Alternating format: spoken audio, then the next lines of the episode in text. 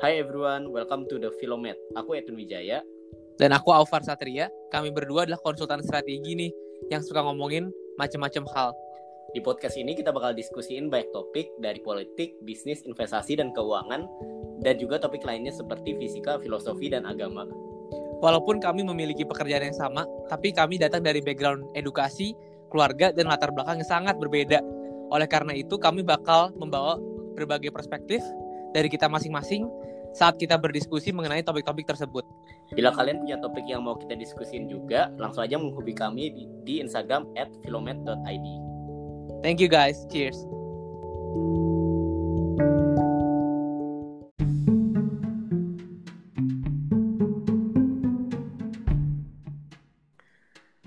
Hai guys, kembali bersama Filomet. Jadi pada episode kali ini ini menarik juga nih. Jadi um, seperti biasa ada gua Aufar dan ada Edwin kita sebagai co-host. Dan pada episode kali ini kita ingin ngebahas habits atau kebiasaan. Gimana sih cara kita berkembang dengan habits-habits um, dan juga cara nge-build dan nge-keep habit-habit yang positif. Dan kami kebetulan sekarang uh, apa namanya dibantu atau kita undang tamu spesial uh, namanya Daniel Humala.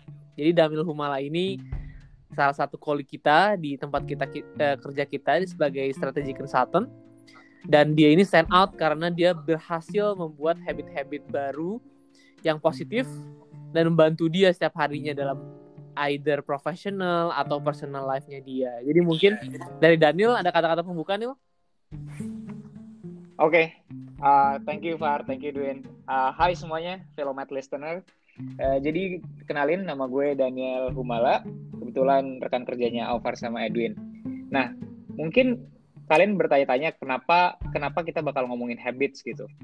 Jadi ini mungkin berawal dari dari gua kuliah sih sebenarnya kayak try to build habits that last kan. Tapi yang paling menarik adalah belakangan ini gue menemukan salah satu buku yang menurut gue menarik banget yang ditulis sama James Clear, judulnya Atomic Habits. Hmm. Nah, Kenapa atomic habits?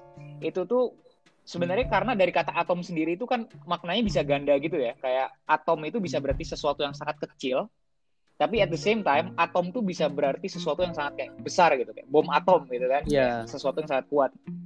Nah, jadi habits tuh sebenarnya kayak gitu gitu loh. Bahwa kalian tuh melakukan sesuatu yang kecil-kecil kecil-kecil tapi dampaknya tuh bisa gede banget di di masa depan. Jadi kayak ya kayak compound interest lah, kayak kalau misalnya kalian pernah dengar the magic of compound interest, kalian naruh uang di bank sekarang senilai tertentu dengan compound interest berapa 5% per tahun, kalian bisa tiba-tiba punya duit banyak banget di masa depan. Ya kayak gitu juga habit habits tuh kayak gitu konsep konsep utamanya dan dengan ngeplay hal-hal kecil dalam kehidupan kalian itu bisa memperbaiki banyak banget di masa depan gitu sih. Hmm, menarik tuh. Jadi memang apa namanya habits ini kayak compound ya jadi kecil-kecil-kecil tapi ini. Karena kan kadang-kadang kalau orang nggak tahu sih kalau dulu ya orang-orang bilang ah ngapain sih misalkan push up satu dua kali sehari gitu. Kayak ngapain sih push up dua kali sehari? Kan kecil gitu. Tapi kalau misalkan diulang diulang ulang ulang terus lama-lama efeknya signifikan gitu ya. Gitu ya Nil ya. Hmm, kalau untuk bagian yang kayak push up dua kali sehari atau tiga kali sehari itu nanti bakal gue bahas di salah satu bagian uh, diskusi kita. Tapi ya kurang lebih idenya kayak gitu. Oke, mantap. Jadi mungkin um, sebelum sebelum uh, ngebahas gimana caranya, mungkin dari habit itu sendiri definisi gitu. Sebenarnya habit tuh uh, apa sih? Apakah kalau misalkan gue misalkan gue beli kopi tiap hari itu habit juga atau maksudnya definisi habit itu gimana sih kalau kalau menurut pandangan lu Nil? Oke, okay, kalau menurut gue habit itu sebenarnya kan kalau bahasa Indonesia-nya kan kebiasaan gitu. Jadi kayak ini sesuatu yang biasa kalian lakukan.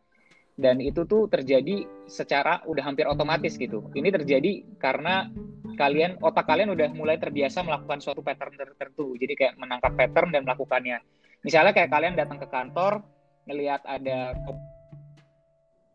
sebutlah nama kopinya. Yang jadi refleks kalian kalau kalian adalah peminum kopi adalah kalian akan pergi ke kopi itu ke toko kopi beli kopi ya kan? Sementara buat orang yang nggak minum kopi kayak gue ngelihat tempat itu nggak ada yang terjadi.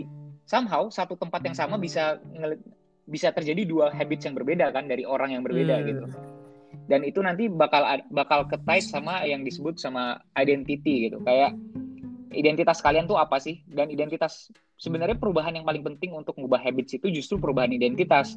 Kayak kalau kalian berusaha berhenti ngerokok gitu akan jauh lebih baik atau jauh, jauh lebih mudah kalau memang kalian udah punya mindset bahwa kalian ini bukan perokok atau kalian ini memang ya kalian udah berhenti merokok gitu lah instead of kalian trying to quit to smoke gitu. Kalau kalian pakai mindset gua mau berhenti merokok berarti saat itu di mindset lu lu adalah perokok yang berusaha berhenti gitu. Bukan orang yang sudah berhenti merokok atau ya gitulah kurang lebih kayak gitu. Maksudnya identity ini kayak gimana ya Daniel? Maksudnya kayak identity kamu bukan perokok itu bakal membuat kamu beneran gak jadi perokok gitu. Tapi cara bikin identitinya apa bukannya itu dari kebiasaan kamu juga ya? Nah benar. Jadi kalau misalnya yang kebanyakan ngebuat orang itu gagal gagal dibikin sebuah kebiasaan adalah karena mereka benar-benar purely fokus only on the outcomes gitu. Kayak gue pengen berhenti merokok gue pengen berhenti merokok instead of trying to change the change the mindset first. Menurut gue tapi benar Edwin bahwa itu tuh ada korelasinya antara identity sama apa yang kamu lakukan. Jadi ketika ketika kalian ngelakuin sesuatu itu when you do something you, you case uh, you cast a vote against what what you are trying to do gitu. Jadi kayak kalau misalnya lu insist bahwa gue bukan perokok terus ketika lu melihat perokok lu berusaha kayak oh enggak gue nggak ngerokok semakin sering lu melakukan itu semakin akan tertanam di di uh, mindset lu bahwa hmm. oh gue bukan perokok. Atau sebaliknya ngomongin identity gue rajin gue suka olahraga karena gue suka olahraga gue gue berusaha tiap pagi bangun langsung pergi ke gym.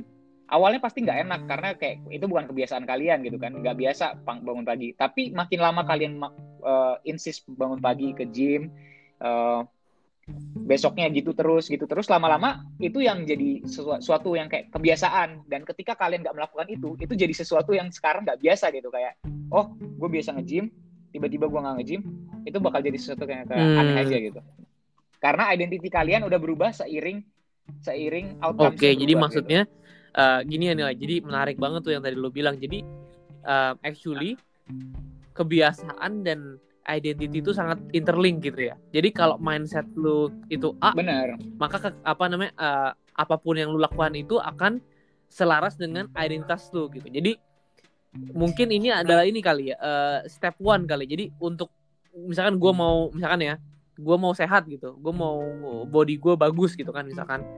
Oke okay, berarti um, gue harus pertama mikir bahwa gue ini adalah uh, seorang olahragawan gitu ya. Baru nanti gue pelan-pelan nge-build the activity. Kayak gitu maksudnya Nil. Benar benar. Tapi ini uh, mungkin disclaimer bahwa ini tuh bagian teori teoritisnya. Secara nah, teori iya, gampang ya. lah ngomong kayak gitu. Iya. tapi apakah kenyataannya gampang? Nah itu nanti bakal kita bahas lebih lanjut kayak gimana sih caranya supaya soalnya kan kayak misalkan mudah gitu.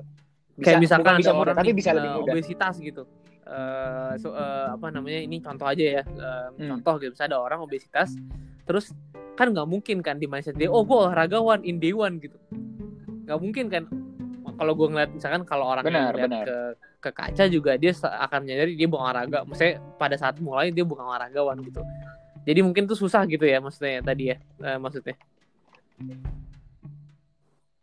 Iya betul. Jadi memang secara teori kayak gitu, tapi apakah prakteknya seperti itu? Nah itu yang nanti bakal kita bahas. Gimana Win? Ada pertanyaan mungkin sebelum kita maju lagi?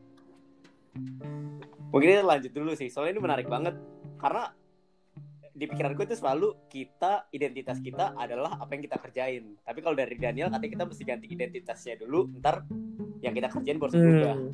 Menarik banget nih, kebalik jadi. Oke, jadi mungkin kita masuk ke apa namanya ke segmen berikutnya in terms of how to uh, build habits nih.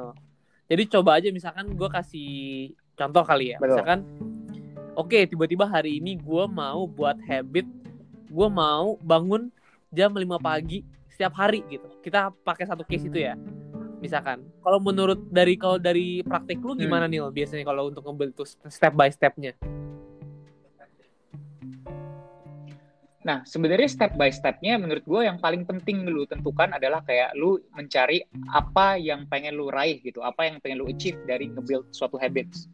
Jadi kayak, oke, okay, punya goals gitu. Kayak misalnya gue pengen gue pengen bikin habit karena gue pengen lebih kurus gitu atau gue pengen bikin habit karena gue pengen uh, lebih banyak baca buku gitu misalnya. Nah tapi di sini di sini perbedaannya kayak kalian nyadar nggak? Kalau misalnya kayak atlet-atlet yang di olimpiade gitu sebenarnya atlet yang menang sama atlet yang kalah yeah. goalsnya sama kan? Goalsnya itu sama-sama yeah. menang. Tapi kenapa ada yang menang ada yang kalah gitu?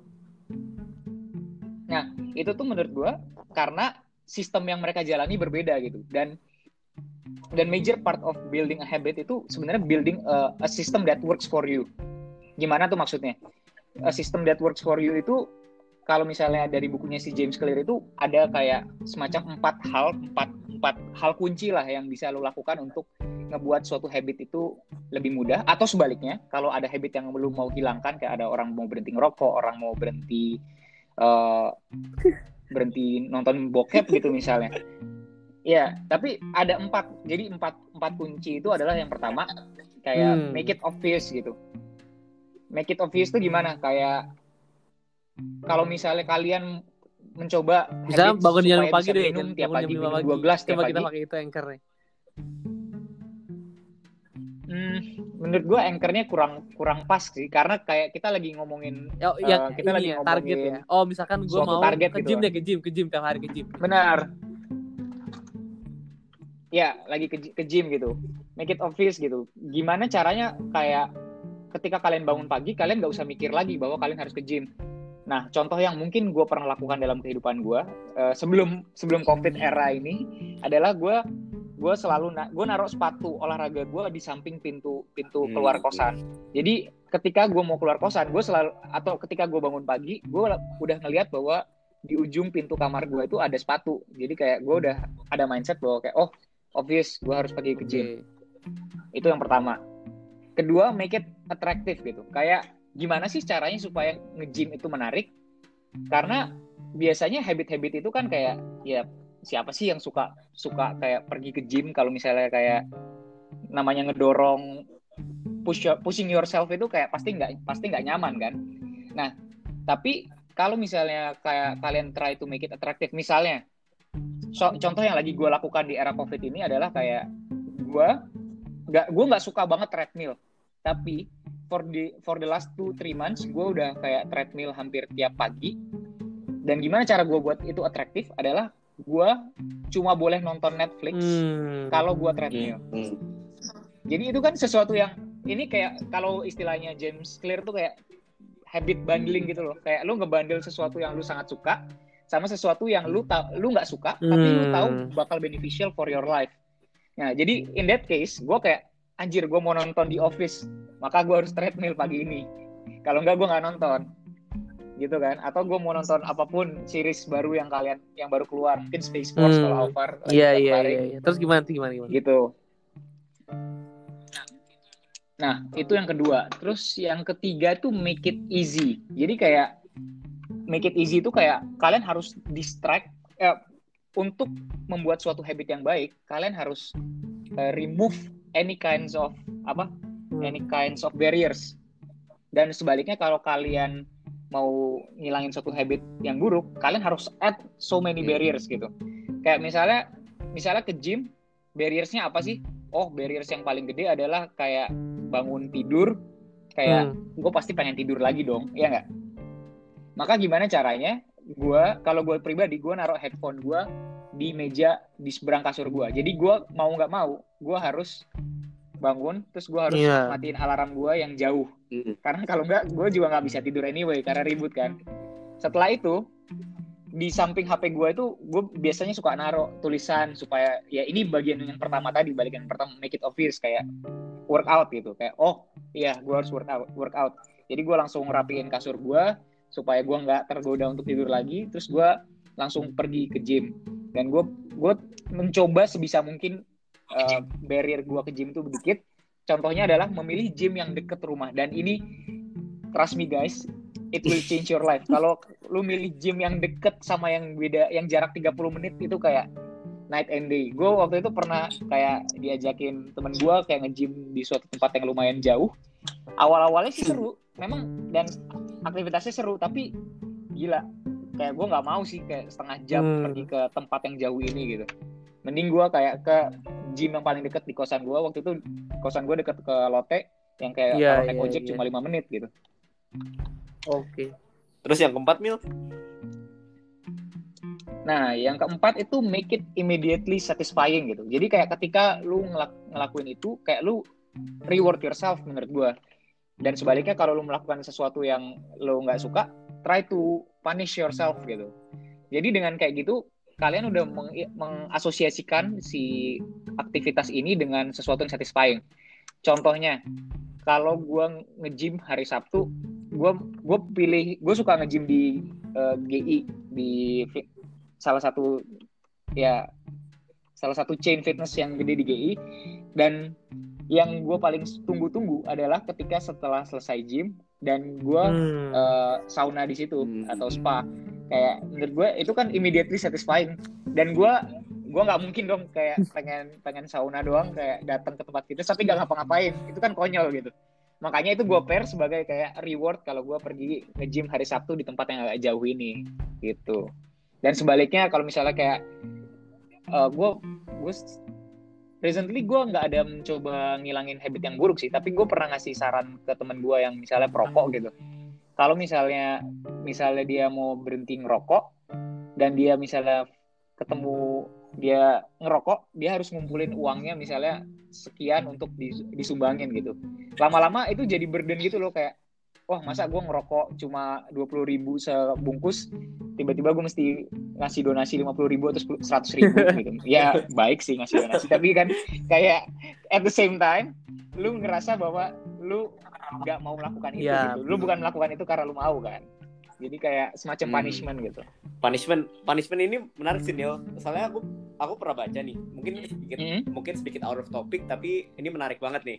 Jadi ini salah satu aplikasi untuk misalnya untuk ini ada satu aplikasi nih untuk merubah bad habit kamu. Jadinya setiap kali kamu mau melakukan bad habit itu, kamu mesti melakukan donation. Tapi inter, tapi masalahnya orang-orang itu masih ngelakuin bad habit mereka karena mereka merasa dengan mereka memberi donation, mereka jadi boleh kerjaan itu. Hmm. Kembali ke. Jadi bisa bisa benar benar ngelakuin gue nggak pernah kepikiran bisa kayak gitu sih tapi benar itu bisa terjadi benar benar Kalau benar, kayak benar, gitu gimana Nil? Apa Mungkin- punishmentnya kurang berat gitu jadi ya? Iya, nah ini kalau ini mungkin kalau misalnya kalian follow salah satu youtuber eh, yang suka ngomongin habits, Oh iya iya. kalau tahu. salah Thomas Frank, dia pernah ngomong Hmm. bahwa kalau, ya lo tau kan, dia pernah ngomongin bahwa kalau bisa, memang punishmentnya jangan yang kecil-kecil, karena kalau kecil lu nganggap itu enteng gitu. Sekarang kalau misalnya oke donasi gocap, ya lu mikir kayak ya udahlah rokok dua puluh ribu, eh, donasi gocap tujuh puluh ribu ya udah istilahnya biaya gue buat ngerokok adalah tujuh puluh ribu. Sekarang gimana kalau misalnya gue bikin, misalnya tadi Alvar, gimana sih caranya gue bangun jam 5 pagi? Kalau misalnya kita tight ke si poin nomor 4 ini di mana lu bikin unsatisfying, lu bilang aja. Eh, gua, jadi si Thomas Frank pernah ngejelasin soal salah satu aplikasi di aplikasi Iya. online gitu, kayak lu Auto bisa tweet gitu ya. ngirim tweet Ma- memalukan ngirim tweet gitu ya. at certain ya betul auto tweet dan kalau misalnya bukan memalukan jadi kalau misalnya kayak ada orang yang reply Oh. gitu dia bakal kayak transfer 2 juta gitu lu mau nggak? Kayak gara-gara telat bangun jam 5 lu transfer orang kayak random people teman-teman lu yang kayak nge- ngeliat tweet lu nge-transfer 2 juta. Gila. Jadi Gua sih nggak istilahnya punishmentnya harus inilah ya, harus berat tapi ya yang yang membuat lu tuh bener-bener akan melakukan atau men- eh, melakukan habit yang positif atau nggak nggak melakukan habit yang negatif gitu lah ya. Benar, benar. Hmm. Itu kalau ngomongin habit negatif ya, punishment. Soalnya kalau habit positif menurut gua lebih ketat ke reward sih, kayak you reward yourself when Hmm. you are doing something. Tapi mungkin gue apa namanya mau ini ya, mau apa namanya mau kasih, kasih case study lah ya. Tapi sebenarnya gue juga Hmm. apa namanya ba- baca kan si Atomic Habits ini gitu. Terus eh, apa namanya gue punya hab punya peng gue ada banyak kan eh, mau mau mau establish habit. Ah, misalkan baca buku, ah, itu kan ya itu tuh gue udah berhasil tuh baca buku gitu kan tiap hari. Cuman yang susah banget tuh menurut gue tetap eh, bangun jam 5 pagi gitu makanya gue tetap jadi case terus kan karena gue nggak berhasil berhasil gitu gue udah tahu teorinya gue udah tahu empat step ini dan gue juga uh, apa namanya ya baca-baca juga tapi tidur tuh tetap apa namanya susah gitu. Menurut lu Nil um, kalau misalkan hab ada habit-habit yang seperti ini tuh gimana ya? Kira-kira lo ada ada ada ini nggak? Ada saran nggak? Nah, ini mungkin gue juga cukup lama experimenting with this this type of habits gitu. Kayak bangun jam 4.30 dan kita pernah discuss kan Far soal yeah. ini ini gara-gara si Joko Willing kayak post bahwa dia udah dua tahun tiga tahun terakhir kayak selalu bangun jam 4.30 straight. Nggak nggak yeah. selalu post di Instagram tiap 4.30 dan gue coba hal itu. It works for several time tapi ternyata kayak makanya menurut gue ini penting banget di awal kenapa lu pengen bikin that habit itu lebih lebih penting. Karena misalnya kayak gini gue pengen bangun jam 4.30 oke bisa gue bangun 4.30 tapi kalau misalnya memang gue adalah tipikal orang yang menganggap lu tidur tuh harus cukup ketika gue tidurnya nggak cukup atau kurang lah kurang dari yang gue butuhkan itu malah detrimental to my health detrimental to the the other habits hmm. that I'm hmm. trying to build gitu. Jadi emang sesuai ke lifestyle gitu, gitu ya. Jadi kayak menurut gue paling penting benar sesuai ke lifestyle. Kayak misalnya kita kita gini yang strategi konsultan atau mungkin teman-teman kita juga yang di korporat yang suka lembur itu menurut gue nggak make sense kalau misalnya kalian paksa untuk bangun jam 4.30 tiap hari kalau memang kalian bukan tipe orang yang short sleeper gitu. Kalau kalian memang butuh tidur yang lama uh, menurut gue hmm. ya then do it gitu. Karena what matters is what what you do when you are Betul. waking up gitu kan. Mungkin satu faktor lagi kali ya gue uh, nambahin kali ya. Uh, um, menurut gue satu faktor yang penting buat nge-shape habit adalah environment lu gak ya? Gak sih Nil jadi kayak kalau misalkan nih temen misalkan lu eh, benar, uh, benar. misalkan ada orang perokok terus dia mau berhenti ngerokok tapi semua temen deketnya ngerokok gitu. Misalkan dia daily oh kerja orang ngerokok semua temen-temennya. Ya dia di ditodok apa dikasih kasih rokok. Terus dia ke rumah misalnya keluarganya ngerokok semua jadi kayak ditawar-tawarin rokok lagi. Jadi salah satunya itu ya uh, apa namanya si environment ini ya yang penting banget ya. Iya, jadi itu ketait sama poin kita yang pertama tadi yang kayak make it obvious gitu.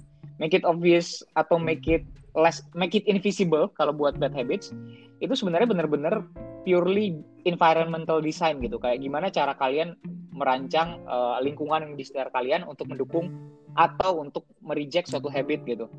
Nah, tadi untuk case yang kayak tadi itulah kayak tantangannya certain habits gitu kayak kalau misalnya kalian uh, misalnya ada orang yang try to stop smoking gitu. Tapi ternyata lingkungannya semua ngerokok hmm. itu bakal lebih susah benar tapi gitu. bukan berarti nggak bisa kan?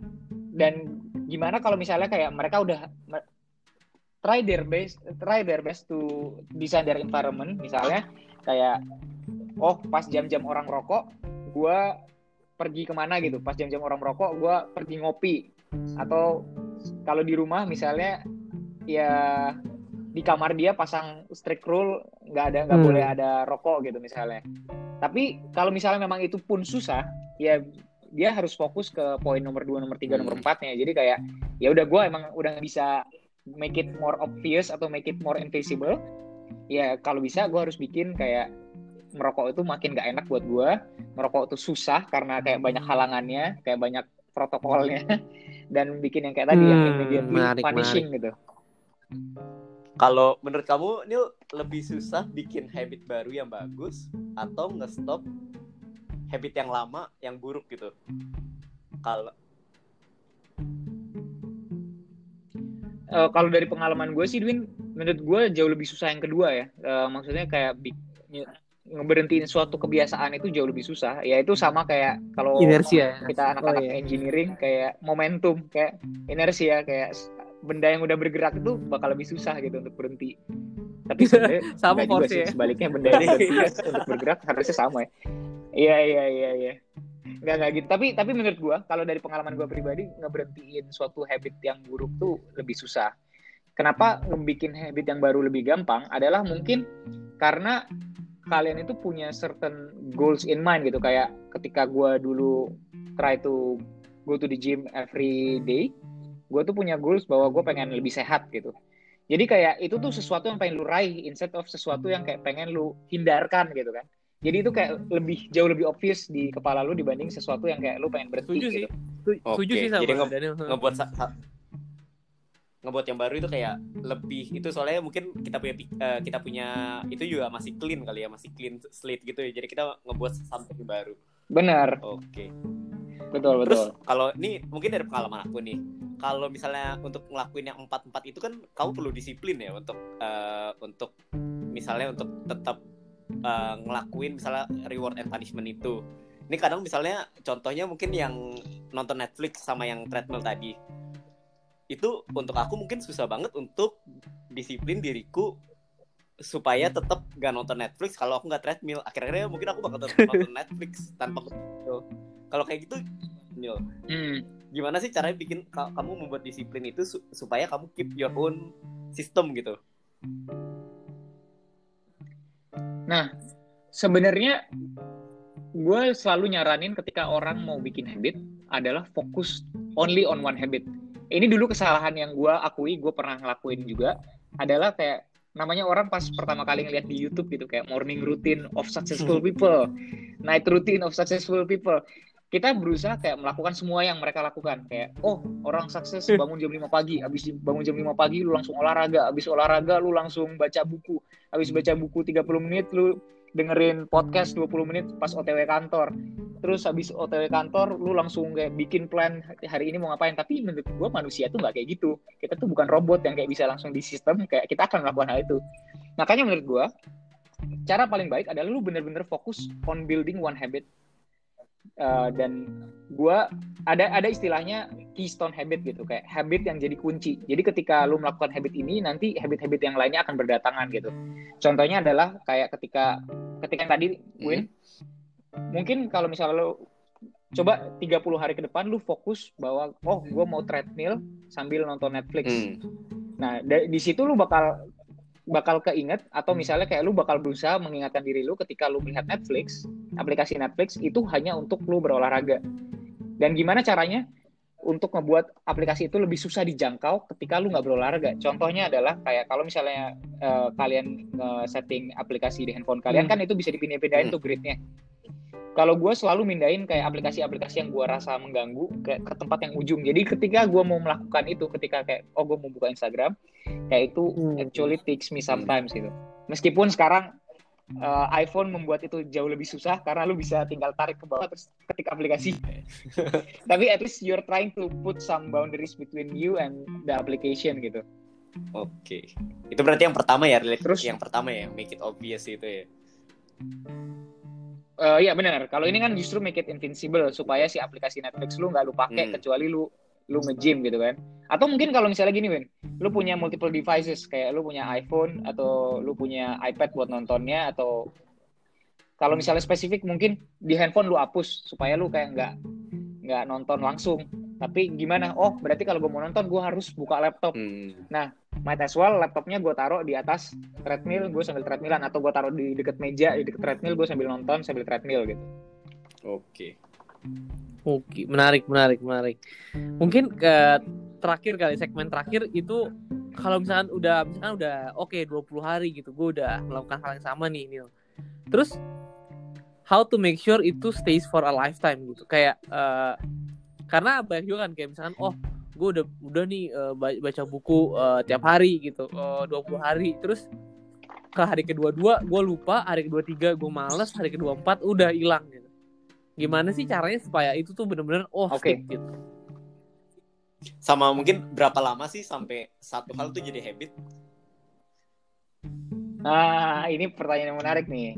Jadi mungkin gue jawab yang pertama dulu ya, Alvar. Tadi kayak sorry, pertanyaannya Alvar adalah Gimana caranya nge-stick nge-stickin habit gitu. Mungkin yang yang kedua juga. Jadi kalau misalkan lu pass a certain threshold baru ntar lu jadi stick gitu gitu. ya ya, oke. Jadi yang pertama gimana sih? Menurut gue ini salah satu yang gue pelajari banget dari salah satu youtuber favorit gue. Kalian mungkin harus check him out. Namanya Matt Hmm. Diavela. Dia tuh sering banget nge- ngebahas isu-isu yang kayak gini juga, eh, kayak eh, habit building gitu. Dia dan dia ngomong salah satu rules yang paling penting yang dia selalu jaga adalah sebutannya Hmm. two days rule. Jadi kayak never skip a habit for longer than two days. Kayak itu kayak semacam death sentence lah. Kayak kalau lu udah skip your habits for more than two days, kayak it will be much harder for you to try to get back on track. Oke. Nah, terus mungkin kalau kayak Edwin tanya, kayak berapa lama sih sampai habits itu stick? Nah, ini juga ini juga kayak objek yang menurut gue kontroversi karena banyak banyak dari berbagai studi yang menyatakan berbeda. Ada yang bilang kayak setelah 40 hari kayak itu otomatis atau di bukunya Charles Duhigg yang The Power of Habits itu kalau nggak salah berapa ya 70 hari itu 77 hari sampai suatu habits to stick. Nah, tapi gue justru lebih setuju sama point of view-nya si uh, James Clear bahwa uh, habit itu disebut habit as long as you are doing it gitu. Jadi kayak lu nggak boleh taruh deadline bahwa oh dalam 77 hari habis itu ini semua bakal jadi otomatis. Nggak kayak gitu. Itu bakal jadi jauh lebih mudah, tapi nggak berarti uh, nggak berarti itu jadi sesuatu yang otomatis. Itu berarti itu lu mesti tetap keep your system yang kayak yang tadi make it obvious, make it attractive for yourself, make it easy, make it uh, immediately satisfying gitu. Nah, dan mungkin gue ada ada poin yang menarik juga nih. Jadi kayak sering nggak sih kalian ngelihat kayak teman kalian trying to lose some weight, terus kayak uh, pas awal-awal beratnya turun dikit, eh beratnya turun cepat biasanya kayak gitulah patternnya. Beratnya turun cepat, terus kayak stagnan, terus akhirnya mereka berhenti ngelakuin Iya, apa yang iya, mereka iya. lakuin. Sering, sering, sering.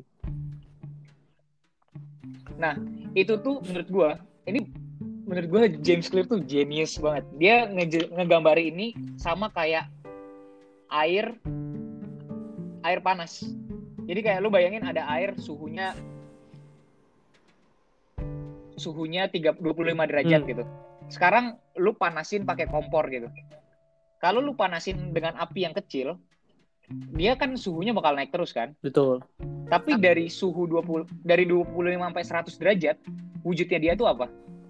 Air. Air. Wujud dia tuh nggak berubah, wujud dia tuh tetap air. Jadi seolah-olah yang lu lakukan api itu sia-sia gitu kan. Oh, iya. Padahal iya, iya. sebenarnya enggak, api itu api itu terus-menerus meningkatkan si energi lu, tapi lu perlu ke- ketemu suatu titik dan di situ yang kayak disebut laten laten potensial lah kalau kita belajar engineering kan kayak energi latensi kan. Di situ baru kayak lu akan berubah wujud gitu sampai titik tertentu. Jadi kayak itulah yang motivasi lu kayak supaya si habit ini bertahan gitu. Karena Oh, goalsnya apa si apa pun yang lu ingin raih tadi memang nggak bakal lu raih dalam waktu dekat. Memang ini topik yang nggak seksi gitu. Nggak ini bukan kayak the secret yang kayak lu bisa tiba-tiba besok be- lu tiba-tiba super sehat super keren gitu. Nggak ini justru memang doing boring things kayak ngelakuin sesuatu yang boring tapi setiap hari lu konsisten ngelakuin harus gitu. truth lah ya, harus truthnya ya. bener sama kayak gini. Lu lu sekarang Far Alvar sama Edwin di posisi yang berbeda Alvar nge-gym kayak sejam tiap hari selama 20 Hmm. 25 hari gitu itu berarti lu total in total udah nge-gym Hmm. 25 jam gitu kan sekarang gue suruh Edwin nge-gym 4 jam tapi eh, hari Senin terus akhir minggu kira-kira yang hasilnya Hmm. lebih bagus yang mana Hmm. Iya kan? Jadi kayak hasilnya pasti bakal lebih bagus yang kayak konsisten gitu, yang kayak kalian ngelakuin itu bener-bener rutin, kalian bener-bener try to improve yourself each and every day gitu.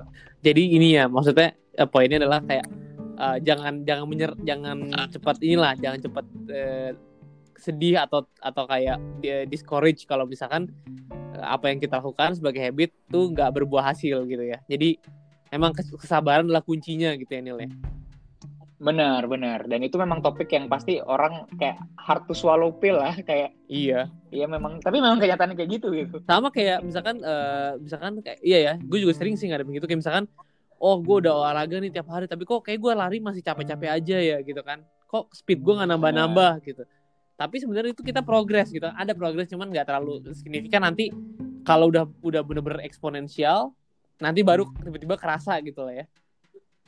Benar, benar. Oke oke menarik banget nih Nil mungkin Edwin ada ada ada ada kata ada pertanyaan pertanyaan terakhir Win Menarik banget sih. Mungkin ini bakal aku langsung coba sih untuk Mungkin yang paling mantap, Kalau lu mau stop ya. stop yang yang buruk atau yang atau ini nih, Win? atau gimana? Mungkin yang mulai yang gampang, gampang dulu. Yang gampang dulu, yang gampang dulu. Satu-satu. Mungkin kalau misalnya untuk buku, mungkin aku taruh buku buku di sebelah tempat tidur. Terus mungkin aku bikin nanti reward and punishment-nya dan yang terakhir apa ya? Make it immediately Make it easy. Oh, satisfying. immediate Iya. ya. Kalau udah baca, Satisfying. Nah, tapi- baca satu buku, abis itu boleh nonton, boleh nonton gitu ya. Stacking, stacking. Mau nonton ya.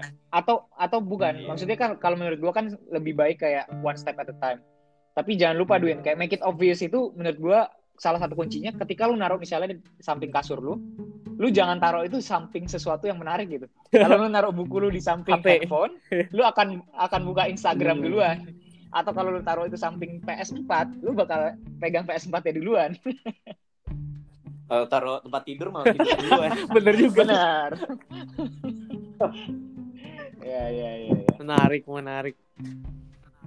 Oke, jadi eh, apa namanya menarik dari Daniel eh, apa namanya how to how to make a habit dan cara-caranya tadi ada empat step. Ah, tadi yang pertama kalau nggak salah ah, make it obvious ya. benar Abis itu make, make it eh, make it apa yang kedua ya? attractive Atraktif ya. Atraktif. Atraktif. Iya. Abis itu make it easy ya. benar Abis itu yang terakhir eh, ada reward, ada reward atau ada punishment untuk setiap setiap kita ngelakuin eh, habit gitu ya. yes correct Oke, iya mungkin kita langsung coba nih. Mungkin yang pendengar-pendengar juga nanti kalau misalkan eh, apa namanya mau nyoba langsung aja dicoba. Em, dan menarik banget. Eh, mungkin itu recapnya. Thank you banget Daniel eh, udah join sama kita. Mungkin ada kata-kata penutup nih dari lu terakhir sebelum kita end the, the podcast. Uh, kata-kata terakhir ya paling thank you Alvar Edwin for uh, inviting me out. Menurut gue ini sesi diskusi yang seru banget dan gue berharap juga ini bermanfaat ya buat Filomet listeners. Uh, dan satu hal yang tadi gue bilang kayak uh, langsung lakuin aja gitu. Kayak just do it mulai aja dulu. Kayak dan ya mulai one step at a time gitu. Kayak coba bikin satu habit saja. Try kalau perlu kayak bikin 30 days challenge gitu. Kayak challenge yourself to do something for 30 days uh, see yourself growing gitu itu sih dari gua thank you guys Oke, thank you Daniel. Eh, mungkin itu dari kita pada hari ini. Eh, jangan lupa kalau misalnya ada topik yang ingin kita bahas, ke tulis di komen atau langsung ngomong aja ke kita. Oke, thank you guys. Thank you Thank guys. you, Neil. Thank you Yeah, Daniel. thank you thank you Bye guys.